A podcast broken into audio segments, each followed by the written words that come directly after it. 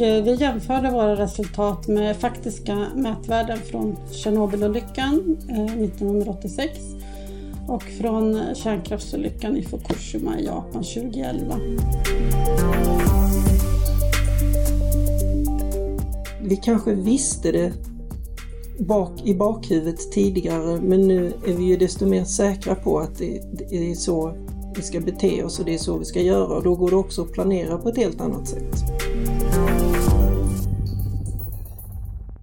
Vad händer med vårt dricksvatten vid en kärnreaktorolycka eller en kärnladdningsexplosion? På uppdrag från MSB och Strålsäkerhetsmyndigheten har FOI utvecklat en modell för att kunna beräkna kontaminationen av radioaktiva ämnen i dricksvatten från ytvattentäkter. Resultatet av arbetet har nu publicerats i en FOI-rapport Rapporten är den sista av tre i ett projekt vars syfte är att undersöka hur vi kan förbättra förmågan att hantera situationer där storskaliga utsläpp av radioaktiva ämnen leder till påverkan på dricks och bruksvatten. I dagens avsnitt ska vi få prata med såväl en av projektets uppdragsgivare som en av projektets forskare. Välkomna till Rapporterat Karl Östlund från MSB och Annika Tovedal från FOI. Tack, tack. Tack så mycket. Karl, jag tänkte vi börjar eh, utifrån beställarperspektivet. MSB och eh, Strålsäkerhetsmyndigheten är ju beställare av det här projektet. Kan du utveckla lite kring bakgrunden och det här behovet som ni har identifierat som ligger till grund för rapporten? Ja, eh, det grundar sig i att rent dricksvatten är ju eh, i grund och botten en, en viktig del av vårt samhälle. Och eh, det är ju någonting som eh, både du och jag och vi har tagit för givet under väldigt lång tid och är mer eller mindre en förutsättning idag för att vi ska må bra. MSB insåg tillsammans med FOI för ett och ett halvt år sedan ungefär att de myndigheterna som ska hjälpa till att hantera konsekvenserna då av ett nedfall, antingen från kärnvapen eller från kärnkraftsolycka, de hade inte något gripbart material att eh, lära sig från. Så eh, det fanns eh, forskningsfakta och modeller. Men inte någonting som var skrivet för oss andra som inte är experter. Och vi visste faktiskt inte ifall vattnet i kranen skulle gå att dricka eller inte då. Och behövde hjälp av FOI för att omsätta detta till information som alla kan ta till sig. Det här projektet var ju uppdelat i tre delar. Kan ni berätta lite om de här delarna och kanske särskilt om den sista delen som vi ska prata mest om idag? Ja, eh, när vi hörde talas om FOIs arbete då, det var via NESA som eh, är en grupp där eh, fem myndigheter sitter tillsammans och försöker lösa sådana här myndighetsövergripande frågor tillsammans. Och eh, då ville MSB eh, få hjälp med att tillgängliggöra all den kunskapen FOI hade tagit fram. Och målgrupperna var främst och är fortfarande då länsstyrelserna och kommunerna i Sverige. Det vi inte hade någon aning om då var hur de vanliga reningsprocesserna som används i vattenverket skulle påverka innehållet av radioaktiva ämnen i vattnet och kranen. Mm. Om jag fortsätter där och, och börjar med den första delen, eh, delrapport 1, så är det en sammanställning av svenska ytvattenverk och de vanligaste metoderna som används för vattenrening eller beredning som det heter på fackspråk. Eh, de olika ämnen som kan förekomma i ett radioaktivt nedfall, de kommer att renas olika mycket i olika typer av reningsprocesser.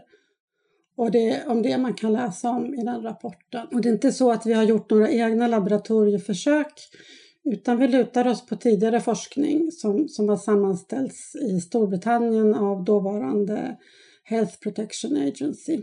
Och vi har tittat på totalt cirka 30 olika radioaktiva ämnen eh, och då har vi valt ut de ämnen som skulle kunna vara mest skadliga om man får in dem i kroppen som man ju då får genom att dricka vattnet. Och sen om vi kommer till den andra delrapporten då, där skriver vi om det vatten som används i jordbruk och livsmedelsindustrin. Eh, och vi var intresserade av att få en uppfattning om hur mycket av det vattnet som kommer från enskilda ytvattentäkter och alltså i slutändan kan, kan bidra till eh, radioaktiva ämnen i våra livsmedel. Och då sker det till exempel via bevattning av grönsaker eller eh, dricksvatten till djurbesättningar som kor och grisar. Och den eh, informationen är tänkt att användas till att beräkna hur mycket själva vattnet skulle kunna bidra till den totala kontaminationen av radioaktiva ämnen i de livsmedel som berörs. Och sen har vi då eh, själva slutrapporten där vi har beräknat hur kontaminerat vårt dricksvatten skulle kunna bli. Vi har anmält, använt oss av fyra olika modeller som vi har kopplat ihop. Och den första och andra modellen beskriver själva utsläppet och spridningen i atmosfär och sen nedfallet på mark och i sjöar. Och den tredje modellen eh, beskriver hur de radioaktiva ämnen som hamnat i och kring ytvattentäkten då, som är en sjö i det här fallet, hur de späds ut och blandas om av vattnets rörelser. Och dessutom har vi då modellerat tillrinning av radioaktiva ämnen från, från omgivande våtmarker och ytvattendrag i sjöns eh, inlopp. Men också bortförsel via sjöns utlopp. Och sen har vi då den fjärde eh, modellen som är den som vi Eh, beskrev i delrapport 1, alltså själva reningseffekten i olika typer av vattenverk. Och sen i slutändan så eh, får vi då en modell där vi kan beräkna hur mycket av de radioaktiva ämnena som skulle kunna hamna i vårt dricksvatten. Och sen har vi då jämfört resultaten med de gränsvärden som finns. Ett ord som dyker upp flera gånger är ju det här ytvattentäkt. Och du nämnde att sjö är en, en typ av sådan. Kan man beskriva lite mer övergripande hur, vad, det mm. ordet definierar? Ja, det hörs ju lite grann på ordet tycker jag. För ytvattentäkter det är öppna vattentäkter. Alltså vattentäkter är där vi tar, eh, därifrån vi tar vårt vatten till vattenverken. Och det kan vara sjöar och det kan vara älvar och Eh, ett bra exempel är väl Mälaren då, som är en av våra största ytvattentäkter. Just det, och varför har man alltså inte undersökt eh, grundvattentäkter? Jag gissar att brunnar till exempel kanske får sitt vatten från eh, grundvattnet. Vi valde att begränsa oss till ytvattentäkter eh, eftersom grundvatten inte kommer att beröras den första tiden efter ett radioaktivt nedfall. Och dessutom eh, om de radioaktiva ämnena så småningom når grundvattnet så kommer det då bli en mycket mindre omfattning än till en ytvattentäkt. Dels för att eh, det här tar tid eh, och eh, de kortlivade ämnena de kommer hinna sönderfalla innan de når grundvattnet. Och det andra som händer är att eh, radioaktiva ämnen binds till markpartiklar och eh, cirkulerar runt i de här tillrinningsområdenas näringsvävar. Det kan vara i markvegetation, svampmycel till exempel och träd.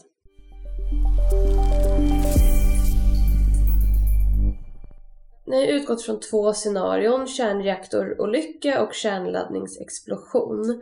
Eh, varför behöver man utgå från de här två scenarierna? Ja, det, det blir ganska stor skillnad och framförallt eh, en stor skillnad är vilka ämnen som, som sprids. Vid en kärnladdningsexplosion så kommer det relativt sett att spridas fler radioaktiva ämnen med kort halveringstid än vid en reaktorolycka. Eh, är det också så att det sprids på olika sätt eller sprids det på samma sätt? Eh, nej, det sprids eh, på olika sätt och då kan man förenkla det lite genom att säga att kärnvapen explosionen och frisättningen av radioaktiva ämnen, det sker momentant på ett ögonblick. Och det radioaktiva molnet också då från en kärnladdning, det når mycket högre upp i atmosfären än ett utsläpp från en reaktorolycka. Och en annan skillnad är också att eh, vid en omfattande kärnkraftsolycka så kan utsläppet pågå eh, under flera dagar, kanske veckor. Eh, Karl, är det här någonting som MSB har funderat över? Jag tänker, eh, skulle man säga att en kärnreaktorolycka är mer sannolik än en kärnladdningsexplosion till exempel? Eller hur eh, resonerar MSB på något sätt där? Ja, MSB generellt eh, skulle jag vilja säga bryr sig inte så mycket om eh, när eller hur ofta en olycka kan hända. Eh, speciellt inte när det har de här omfattande konsekvenserna. Mm. Utan det är redan från början bestämt i, svensk lagstiftning att eh, vi ska kunna ta om hand effekterna från de här två typerna av händelser. Så att vi kan skydda eh, både samhället och befolkningen. Så vilken som är mest sannolik eller inte spelar inte så stor roll. Det är ju skönt att höra i och för sig. Ja, eh, de här händelserna är, är del i det man brukar kalla för HILP-händelser, High Impact Low Probability. Och eh, signifikant för dem är att eh, man planerar omfattande i förväg för att man vet att konsekvenserna blir så omfattande så att eh, har man ingen planering så klarar man sig väldigt, väldigt dåligt. Jag menar till exempel före Harrisburg, då var det ju ytterst osannolikt att det som hände i Harrisburg skulle hända. Men sen så fort det hade hänt, då rakade ju sannolikheten plötsligt upp till inte mindre än 100 procent, så att det blev nästan sant att det hade hänt. Men nu har de ju äntligen bestämt sig och nu har de tydligen kommit fram till att det som hände i Harrisburg inte har hänt, men att vi å andra sidan måste ha mycket bättre säkerhetsanordningar så att det inte händer här också.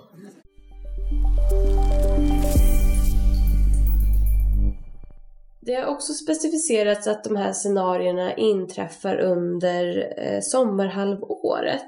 Vilken påverkan har årstiderna på ja, men beräkningarna eller på, på metoderna? Ja, när man gör sådana här jobb så får man ju som lov att begränsa sig då. Och vi valde sommarhalvåret. Framförallt då så påverkas modellen av årstid vad det gäller eh, modellen för ytvattentäkt. För att på vintern kan man ju tänka sig att sjön är frusen. Och då har vi ett islager som gör att de radioaktiva ämnena inte hamnar i dricksvattnet i samma utsträckning som i en isfri sjö. Eh, och då hinner de mer kortlivade ämnena som till exempel jod kanske helt försvinna. Så man väljer egentligen sommarhalvåret för att det skulle liksom vara värst om det skedde på sommarhalvåret? Ja, det var nog så vi tänkte. Och Karl, i händelse av ett radioaktivt nedfall, vad är viktigast att tänka på? Ja, alltså viktigast att tänka på är ju att man kan skydda, skydda befolkningen eh, från den här händelsen. För typiskt för, för nedfall är att, eh, att man som människa inte kan märka det själv och vet inte i, i allmänhet så vet man inte hur man ska bete sig och hur man ska skydda sig. Så eh, viktigast att tänka på skulle jag vilja säga att vara väl förberedd på att händelsen kan inträffa och när den gör det att man har gjort det arbetet som man behöver göra i förväg redan då. Och vad, vad kan det vara för typ av arbete? Ja, den här rapporten är ju ett eh, lysande exempel på ett sådant arbete när man inte vet eller att eh, det finns mycket fakta men man vet inte hur man ska förhålla sig till den. Och så sammanställs den till eh, till något som, som de som behöver kan ta till sig. Då hoppas vi naturligtvis att eh, de som är berörda, exempelvis vattenproducenter, att de eh, tar den här faktan till sig samtidigt som de tar den till sin produktion, exempelvis av dricksvatten, och därifrån börjar tänka på hur i detta fallet ska jag skydda vattenproduktionen på bästa sätt. Så det är liksom upp till vattenverken att eh, att göra de eh, anpassningarna så att säga? Ja, eh, vi tror i alla fall att det blir bäst om Vattenverket som kan vattenproduktionen. Alltså MSB har ju inte en chans i kunnandet i hur man producerar vatten jämfört med de som gör det varje dag, fem dagar, sju dagar i veckan. Så om, eh, om vi ser framför oss att eh, de som då sysslar med detta och kan sin anläggning bäst, ta till sig informationen och börja fundera på hur man skulle kunna anpassa sin planering om ifall att det sker nedfall så tror ju vi att det är bästa vägen framåt. Hur går liksom varningssystemet till? När, vem får veta att det sker ett radioaktivt nedfall och liksom, hur signaleras det till vattenverk? Hur är kedjan där? För som du sa Karl så kan ju inte vi vanliga människor märka det. Det faller väl inte från himlen som regn i sig? Det kan följa med regnet ner. Det, det faller ju ur atmosfären. Det kommer ju som, om vi ska se det framför som ett gasmoln som du inte ser. Just det. Först och främst när det gäller kärnkraftsolyckor i Sverige så har vi ju en larmfunktion som är väl genomarbetad och eh, eh som både Kärnkraftverket och exempelvis SSM och MSB tar del av nästan omgående. Så att där finns en varnings och larmkedja som man då använder sig utav. då direkt när det händer. Kärnvapen eh, kan jag inte lika mycket om, men det är lite besvärligare. Av den anledningen är att man inte som kärnkraftverket vet var det är någonstans från början. Våra svenska kärnkraftverk, eh, de vet vi ju var de är. Så då, då kan man ju utgå ifrån det. En eh, kärnladdningsexplosion kan ju ske precis var som helst. När som helst. Det är, det är inte vi som har det eller väljer. Så det är ju betydligt besvärligare med varningen och, eh, och larmet från, från kärnladdningsexplosioner just nu. Och även kärnreaktorolyckor i andra länder gissar jag då blir samma problematik? Ja, potentiellt kan det ju bli det, men det finns ett nätverk eh, via IAEA i, i Europa som eh, ska hjälpa till med just eh, utlarmning till andra länder, att så, en sådan olycka håller på att ske. Men eh, Tjernobyl, nu var det väldigt, väldigt länge sedan, var ju ett bra exempel på att man inte fick det larmet och upptäckte det här i Sverige och agerade i början som om det vore ett svenskt utsläpp. Men larmet går. Eh, hur ofta övar ni på sådana här radioaktiva nedfallsscenarion? Eller är det något som man kan öva på liksom? Ja, olika myndigheter övar ju olika delar. Eh, och de eh, övar ju främst de delarna som ligger på deras ansvar, på deras bord. Eh, länsstyrelserna, eh, kärnkraftverken och Strålsäkerhetsmyndigheten övar ju oftare. Och eh, vartannat år i Sverige så har vi ju en, en, en omfattande kärnkraftsolycksövning. Eh, vi har en i år exempelvis. Där man övar hela kedjan från att det blir problem på kärnkraftverket, det går ett larm och sedan en ska man säga, en åtgärds och konsekvenshantering efter det.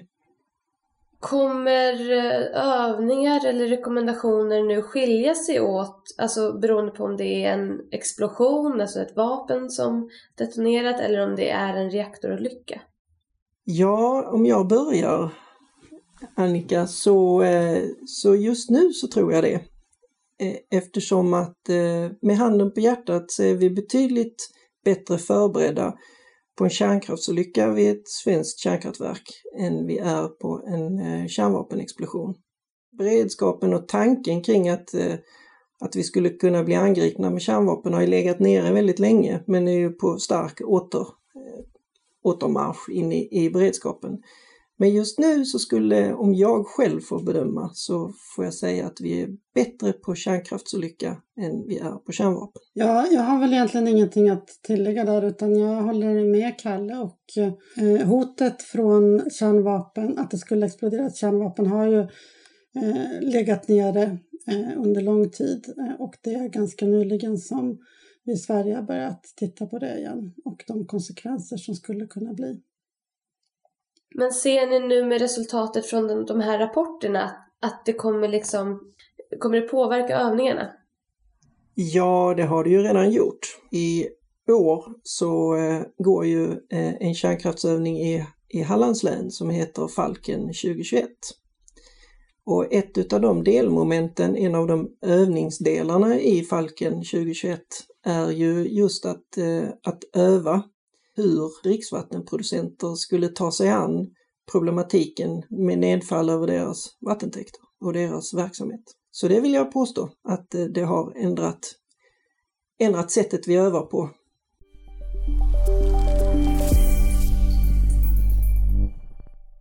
Vi pratade lite förut om att ni letar efter 30 olika typer av ämnen. Vilka är dessa och liksom på vilket sätt är de skadliga för människan? Ja, eh, först, det vi gjorde först var att titta väldigt brett eh, för att undersöka vilka ämnen som faktiskt eh, finns i de här två olika typer av nedfall. Sen så begränsade vi oss till de ämnen som framförallt är farliga om de hamnar i, i oss, inne i våra kroppar. Och det gör det ju då eh, till exempel om vi äter eller dricker eh, något som är kontaminerat. Radioaktiva ämnen avger joniserande strålning i olika former och hur farligt det är för oss människor det beror till stor del på eh, typen och mängden strålning vi utsätts för under, under en viss tid. Och vad, vad gäller de nivåer som kan hamna i dricksvattnet så handlar det främst, främst om en ökad cancerrisk på sikt. Och, och vad gäller de olika ämnena då så är till exempel radioaktivt jod ett ämne som kan hamna i dricksvattnet. Och eh, när vi har fått det i oss eh, så hamnar jod framförallt i sköldkörteln och riskerar eh, att ge oss sköldkörtelcancer. Sen har vi ett annat ämne då, strontium, radioaktivt strontium, som enligt våra beräkningar så skulle det kunna bli ett problem eh, efter en kärnladdningsexplosion. Eh, att vi får eh, strontium i, våra, i vårt dricksvatten. Strontium söker sig till skelettet och där har vi vår benmärg och där bildas våra blodkroppar. Och celler som nybildas och delar sig ofta, de är extra känsliga för strålning. Intressant. Är det alltså olika typer av farliga ämnen beroende på om det är en reaktorolycka eller en eh, kärnvapenexplosion? Eh, I princip så är det samma ämnen men de, de, kommer, de kommer att vara i, eh, spridas i olika... Liksom inbördesförhållandena blir olika. Det blir mer kortlivade eh, radionuklider i en, eh, efter en kärnvapenexplosion. Ja, men det, det bygger ju på att eh att ett kärnkraftverk, där håller man ju klyvningarna under kontroll eh, utav det fissila materialet. Och i och med att man kontrollerar klyvningstakten så, så kör man ju eh, små mikrokärnexplosioner hela tiden och sen så tar man ut effekten till elektricitet. Så där samlar man ju på sig radionuklider, alltså som är långlivade under mycket, mycket längre tid än, än vad ett kärnvapen gör. Så det kommer ju ut en mycket större mängd av långlivade radionuklider från ett kärnkraftshaveri normalt sett eh, jämfört med då en kärnvapenexplosion. Är det då eh, alltså farligare om, om, man tänker bara rent spridning till liksom dricksvatten och ytvatten, det som vi pratar om nu? Är det då värre med eh, kärnreaktor, spridning från en kärnreaktor än spridning från en eh, kärnvapenexplosion? Alltså det, det blir... Det, det, är lite svårt att svara på för det beror ju på i vilken koncentration det kommer ner, hur långt bort från själva händelsen du är. Mm. Men generellt sett så kan man säga att det kommer att bli ett större problem och fler olika radionuklider i ett eh, nedfall från, efter en kärnladdningsexplosion. Eh, ni skriver också om gränsvärden i, i rapporten. Vem har satt de här värdena och vad är de baserade på? Gränsvärdena är satta av EU, eh, närmare bestämt Europeiska unionens råd. Eh, och det är gränsvärden som kommer att träda i kraft i hela Europa då vid en sån här händelse. Gränsvärdena gäller för flytande livsmedel och det är dit som eh, dricksvatten räknas. De kommer att gälla de första tre månaderna efter en olycka men sen så kan, man, kan gränsvärdena komma att ändras. Eh, och antingen justeras uppåt eller neråt eh, beroende på hur, hur den sammantagna effekten av olyckan ser ut. Så man börjar alltså med ett gränsvärde som träder in direkt efter en olycka och sen så kan det komma att justeras. Och hur de är satta då, det är baserat på vilken stråldos som eh, befolkningen kan få. Och i slutändan så handlar det om eh, vilken ökad cancerrisk det kan bli. Beräkningen gjordes med teoretiska modeller som ni har anpassat efter de här scenarierna vi har pratat om. Så den här rapporten är alltså baserad på teorier, scenarion, simuleringar. Hur kan man validera resultaten? Det är ingen som vill testa det här skarpt liksom. Nej men precis, men det har ju hänt lite olyckor och eh, vi jämförde våra resultat med faktiska mätvärden från Tjernobylolyckan eh, 1986 och från kärnkraftsolyckan i Fukushima i Japan 2011. Eh, de mätvärden som fanns stoppade vi in i våra modeller och då kunde vi se att resultaten stämde väl med våra beräkningar. Och eh, ja, sen har vi inte kunnat validera modellen med data efter en kärnladdningsexplosion förstås. Var det något i resultaten som förvånade er? Eh, ja, förvånande vet jag inte riktigt, men det var ju väldigt spännande att räkna fram de här resultaten. Eh, och sen förstås väldigt tillfredsställande att modellen stämde så pass bra med de eh, verkliga eh, olyckor som har hänt. man ska ju komma ihåg att det är stora osäkerheter i alla delar av våra modeller så att det var ju inte givet att det skulle kunna stämma så pass bra som det faktiskt gjorde. Karl, blev MSB förvånad över, över någonting? Ja, eh, vi blev eh, rätt förvånade över hur, eh, hur vattnet blandas om i ytvattenstäkten. Det hade vi inte alls vi sett framför oss att det hade så stor betydelse och vi hade ärligt talat inte koll på det. Men det har vi ju nu. En annan sak som vi blev medvetna om som vi inte heller hade tänkt på är ju att reningsstegen i vattenverken faktiskt gör att vattnet är säkert och möjligt att dricka även om det fallit, jag skulle vilja säga ganska mycket radioaktivitet på marken. Okay. Och eh, det var rätt så skönt att få insikt i att eh, om ifall att eh, samhället verkligen går på knäna för vilket eh, en kärnvapenattack kan skapa, så eh, finns det ju faktiskt möjlighet att, att dricka vattnet eh, även om det kanske inte skulle följa gränsvärdena. Vilka slutsatser och åtgärder har ni landat i nu när den här sista rapporten är publicerad? MSB har ju insett att man måste sprida den här informationen till de som behöver den. Och de, de som behöver den är de som ska göra beredskapsplanering för det. Eh, för att hantera eh, de, vad ska säga, de problemen som blir efter nedfallet i Sverige. Och vi har ju insett att vi snabbt behöver mäta vattnet för att vara säkra på att det är drickbart även om ytvattentäkterna ligger en bra bit ifrån utsläppspunkten. Vi kanske visste det bak, i bakhuvudet tidigare men nu är vi ju desto mer säkra på att det, det är så vi ska bete oss och det är så vi ska göra och då går det också att planera på ett helt annat sätt. Det jag också har lärt mig och som jag ser som en slutsats eh, för framtiden är ju att eh, det är både centralt och, och mycket viktigt skulle jag vilja säga att formulera sån här kunskap så att många och helst alla kan ta, ta den till sig oavsett eh, vad man har för pro, alltså profession eller bakgrund. Just det, och vilka hoppas du, vi börjar ju närma oss eh, eh, slutet av, av avsnittet, vilka hoppas du har lyssnat hittills och fortfarande liksom hänger kvar? Jag hoppas både på eh, den enskilde faktiskt i, i eh, så, ja, som du och jag när vi lyssnar på, på något program som vi finner intressant och, och givande samtidigt som jag även hoppas att eh, de som jobbar med beredskap eh, har lyssnat eh, någon minut i alla fall. Det hoppas jag också. och Annika, vill du lägga till någonting om slutsatser och, och åtgärder? Är det något som, som du vill lyfta där? Jag tycker nog att en av de viktigaste slutsatserna, alltså, och nu hamnar vi lite mer på detaljnivå, då, det är att eh, det är jodisotoperna som kommer att vara gränssättande den första tiden. Eh, och också då att nivåerna kommer att sjunka ganska snabbt eh, beroende på sedimentation och utspädning i vattentäkten i kombination med jods korta halveringstid. Och sen vad det gäller åtgärder då så, så är inte det vår uppgift att besluta om eh, vad som ska göras utan det hamnar på vattenproducenterna som Kalle pratade om tidigare. Och även eh, troligtvis då på kommuner och länsstyrelser. Men vi kan ju ändå peka på vad som skulle kunna göras och eh, något vi har lyft fram då det är att eh, man skulle kunna rekommendera allmänheten att inte dricka vattnet eh, den första tiden då förrän vi har provtagningar och mätningar på plats.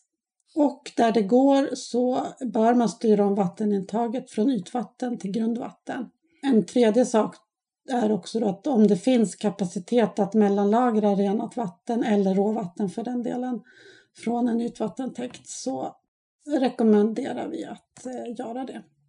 Jätteintressant. Har det också liksom eh, inspirerat till någonting du skulle vilja forska mer om i framtiden? Har, har ni liksom hittat någon lucka i någon kunskapslucka genom att få göra det här projektet? Ja, vi har ju lärt oss väldigt mycket som man alltid gör eh, på vägen och eh, en sak som, som skulle vara roligt det vore att titta lite mer på specifika vattenverk och eh, ytvattentäkter. Nu är det, ju, det här är ju liksom en generell modell.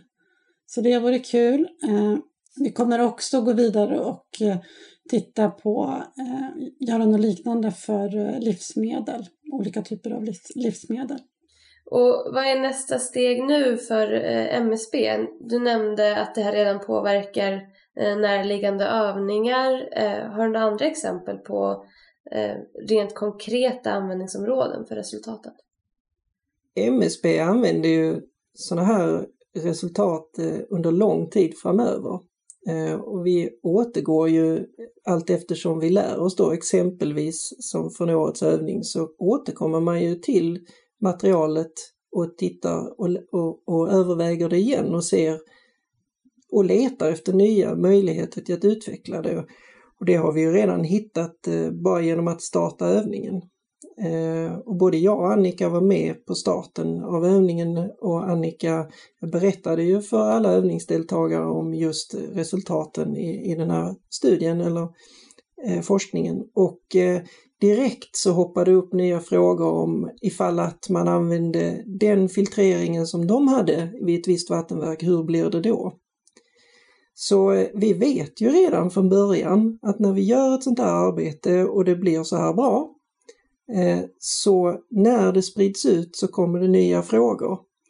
Och de siktar ju både jag och Annika på att eh, fånga upp allihopa och eh, försöka besvara även dem. Bara för att det ska fortsätta att bygga på så att vi blir bättre.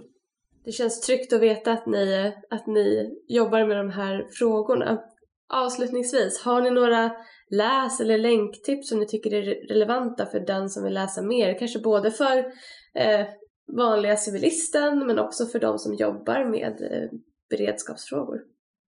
Ja, eh, det, det var en ganska svår fråga och jag kan inte på rak arm komma på något som är särskilt lättsmält. Men Eh, om man vill fördjupa sig så längst bak i de här rapporterna så finns det ju referenslistor. Så är man intresserad så kan man gräva vidare och fördjupa sig där.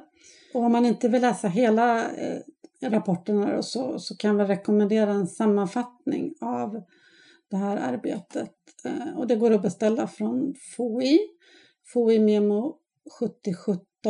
Eh, och den här sammanfattningen finns också i slutrapporten eh, längst bak. Ja, jag kan bara hålla med att för de som inte har tid att läsa hela rapporten från A till Ö kan lära sig väldigt mycket av att bara läsa den fyrasidiga sammanfattningen som, som finns längre bak i, i rapporten. Vi kommer såklart länka till rapporterna och till sammanfattningen på www.foi.se rapporterat så att där kan ni hitta all, allt relevant eh, läsmaterial. Eh, tack för att ni eh, besökte Rapporterat. Tack så mycket för att vi fick vara med. Ja men tack.